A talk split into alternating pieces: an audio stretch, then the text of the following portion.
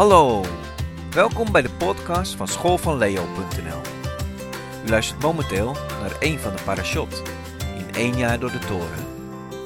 U kunt de gesproken parasha uitgeschreven terugvinden op de website www.schoolvanleo.nl.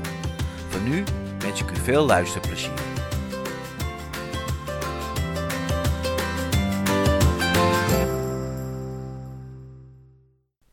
Deze week wordt Parasha Wayakel behandeld.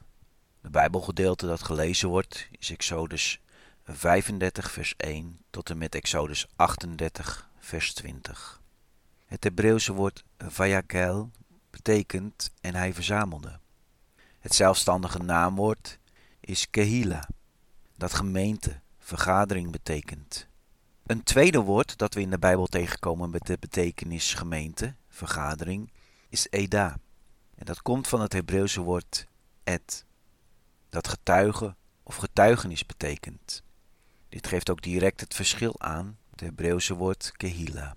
Eda is een vergadering of een groep mensen met dezelfde getuigenis of beleidenis.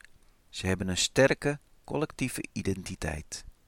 Binnen een kehila zijn de groep mensen verschillend van elkaar, maar ze zijn samengebracht of bijeengeroepen vanwege een gezamenlijk doel. Een dergelijk gezamenlijk doel zou dus een groep mensen kunnen zijn met dezelfde getuigenis. Een Kehila-vergadering of gemeente kan dus een EDA-vergadering of gemeente zijn. Maar een EDA-vergadering hoeft niet per se een Kehila-vergadering te zijn. Ik zal een voorbeeld geven om het enigszins duidelijk te maken. Zo is het etnische Joodse volk een EDA-vergadering. Ze zijn namelijk fysieke nazaten van Abraham. De getuigenis, het bewijs of collectieve identiteit is de besnijdenis. Dit onderscheidt hen dan ook van de andere volkeren. Naar buiten toe is het Joodse volk dus een Eda-vergadering. Bij een Kehila kan je denken aan verschillende stammen binnen het Joodse volk.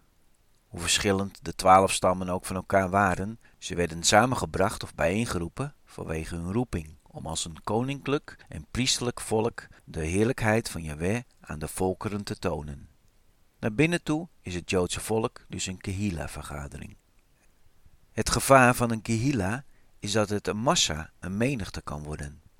Denk bijvoorbeeld aan de multiculturele samenleving hier in Nederland. Zolang er een eenheid of gezamenlijk doel is, gaat het goed. Maar wanneer binnen de culturele samenleving deze cohesie wegvalt, ontstaat er een massa of een menigte dat losgeslagen zou kunnen zijn. Dit is precies wat er gebeurde toen het volk Israël het gouden kalf had gemaakt. De cohesie van de Kehila, van de twaalf stammen, viel weg en zij werden een losgeslagen menigte. Het gevolg hiervan was dat zij tot spot werden voor de volkeren. In Exodus 32 vers 25 lezen we, toen Mozes zag dat het volk losgeslagen was, want Aaron had het losgelaten, tot leedvermaak van hun tegenstanders, ging Mozes bij de ingang van het kamp staan. Na dit incident ging Mozes opnieuw de berg op om een nieuwe set stenen tafelen van God te ontvangen en om verzoening te doen voor het volk. Toen Mozes na veertig dagen de berg afdaalde, riep hij het volk bijeen, zoals we in Exodus 35 vers 1 lezen. Het was tijd om het onsamenhangende volk door toedoen van het gouden kalf weer tot één geheel te vormen. Het volk moest weer het gevoel krijgen dat zij een gezamenlijk doel hebben. De manier waarop Mozes dit deed lezen we in Exodus 35, vers 4 tot en met 10. Mozes zeide tot de gehele vergadering der Israëlieten: Dit is het gebod dat de Heere gegeven heeft. Neem van uw bezit een heffing voor de Heere. Ieder zal deze gewillig van hart opbrengen als heffing voor de Heere: goud, zilver, koper, blauw-purper, rood-purper, scharlaken, fijn linnen, geitenhaar, roodgeverfde ramsvellen, tagasvellen, acaciahout, olie voor het licht, specerijen voor de zalfolie en voor het welriekend reukwerk, chrysopraasstenen en vulstenen voor de efot en voor het borstschild.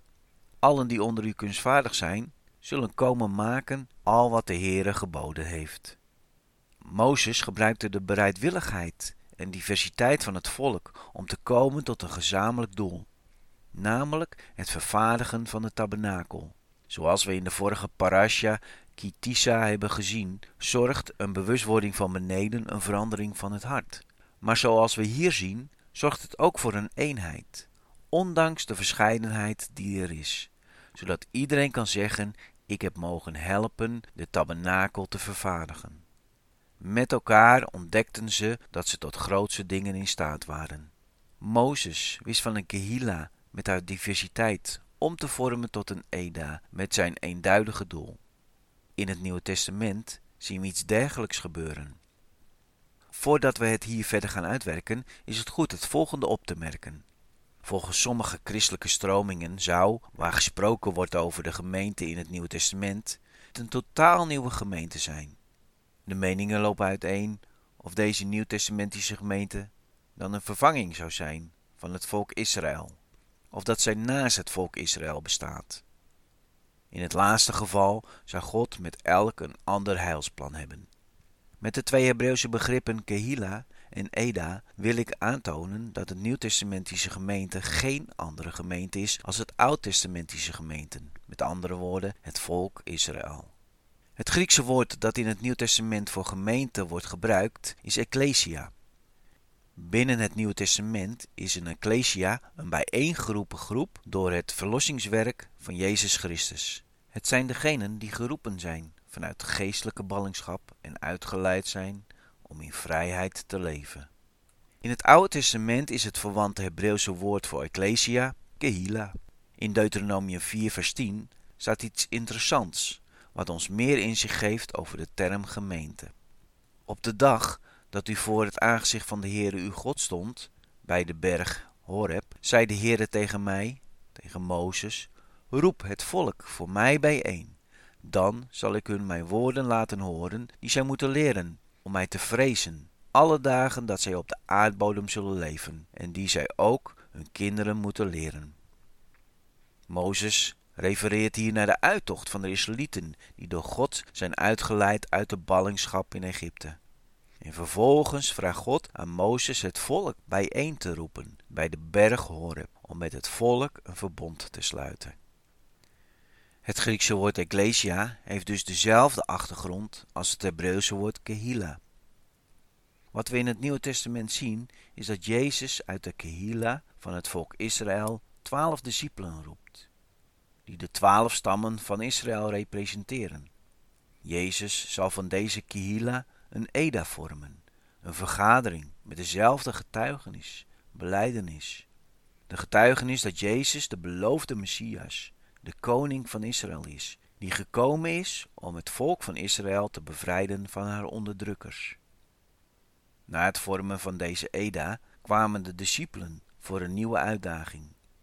Jezus opende namelijk ook de weg voor de heidenen, Goyim, uit de volkeren, om deel te nemen aan deze Eda. Zo ontstond er een kehila van Joden en heidenen, die naar buiten moesten treden met dezelfde getuigenis, waardoor ze een Eda zouden blijven. We zien in het Bijbelboek Handelingen dat het voor de Joden lastig was te accepteren dat de heidenen, de Goyim, onderdeel konden worden van het volk Israël. In Handelingen 11 moest Petrus zichzelf verantwoorden tegenover de andere discipelen, wat er in het huis van Cornelis had plaatsgevonden. In Handelingen 11, vers 15 tot en met 17 lezen we: En toen ik, Petrus, eh, begonnen was te spreken, viel de Heilige Geest op hen, evenals in het begin ook op ons. En ik herinnerde mij het woord des Heeren, hoe hij zeide: Johannes doopte wel met water, maar gij zult met de Heilige Geest gedoopt worden. Indien nu God hun op volkomen gelijke wijze als ons de gave heeft gegeven op het geloof in de Heer Jezus Christus, hoe zou ik dan bij machtig geweest zijn God tegen te houden? Het kenmerk van het behoren tot Gods volk is in het Nieuwe Testament dus de Heilige Geest met zijn gaven. In het begin waren het voornamelijk de Joden die moeite hadden om de Goyim, die tot geloof kwamen, toe te laten binnen hun volk. Naarmate de Messias beleidende Goyim talrijker werden dan de Messias beleidende Joden, distancieerden de Goyim zich steeds meer van de Joden en gingen zij zichzelf zien als aparte Gehila. God had dit echter nooit zo bedoeld. Maar hoe is de eenheid tussen Jood en Griek terug te krijgen? In Exodus 35 hebben we gezien dat Mozes van een losgeslagen Gehila naar de gouden kalf met haar diversiteit wist om te vormen tot een Eda. Dit deed hij door hen bijeen te roepen en gebruik te maken van hun bereidwilligheid en diversiteit aan talenten en gaven, om gezamenlijk de tabernakel, het huis of het koninkrijk van God, te vervaardigen. In het Nieuwe Testament zien we, zoals we net hebben gelezen, dat het de Heilige Geest is die ons bereidwillig maakt en ons een diversiteit aan gaven heeft gegeven om samen te bouwen aan Gods koninkrijk. Paulus heeft het hier heel duidelijk over in hoofdstuk 12 in zijn brief aan de Corinthiërs.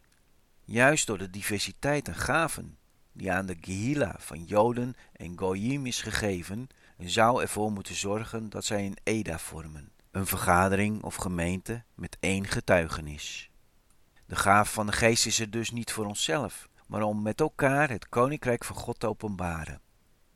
Dit kan echter alleen gebeuren als de Goyim gaat erkennen dat zij mede-erfgenamen en mede-deelgenoten zijn van Gods volk. Op die manier vormen ze één lichaam, als één Eda. We moeten daarbij erkennen dat we een Gehila zijn met een verscheidenheid aan diversiteit, Jood en Griek, maar met één gezamenlijk doel. Zo zal door de gemeente, de Kehila, aan de overheden en de machten in de hemelse gewesten de veelvuldige of veelkleurige wijsheid van God bekendgemaakt worden, zoals we kunnen lezen in Efeze 3, vers 8 tot en met 11.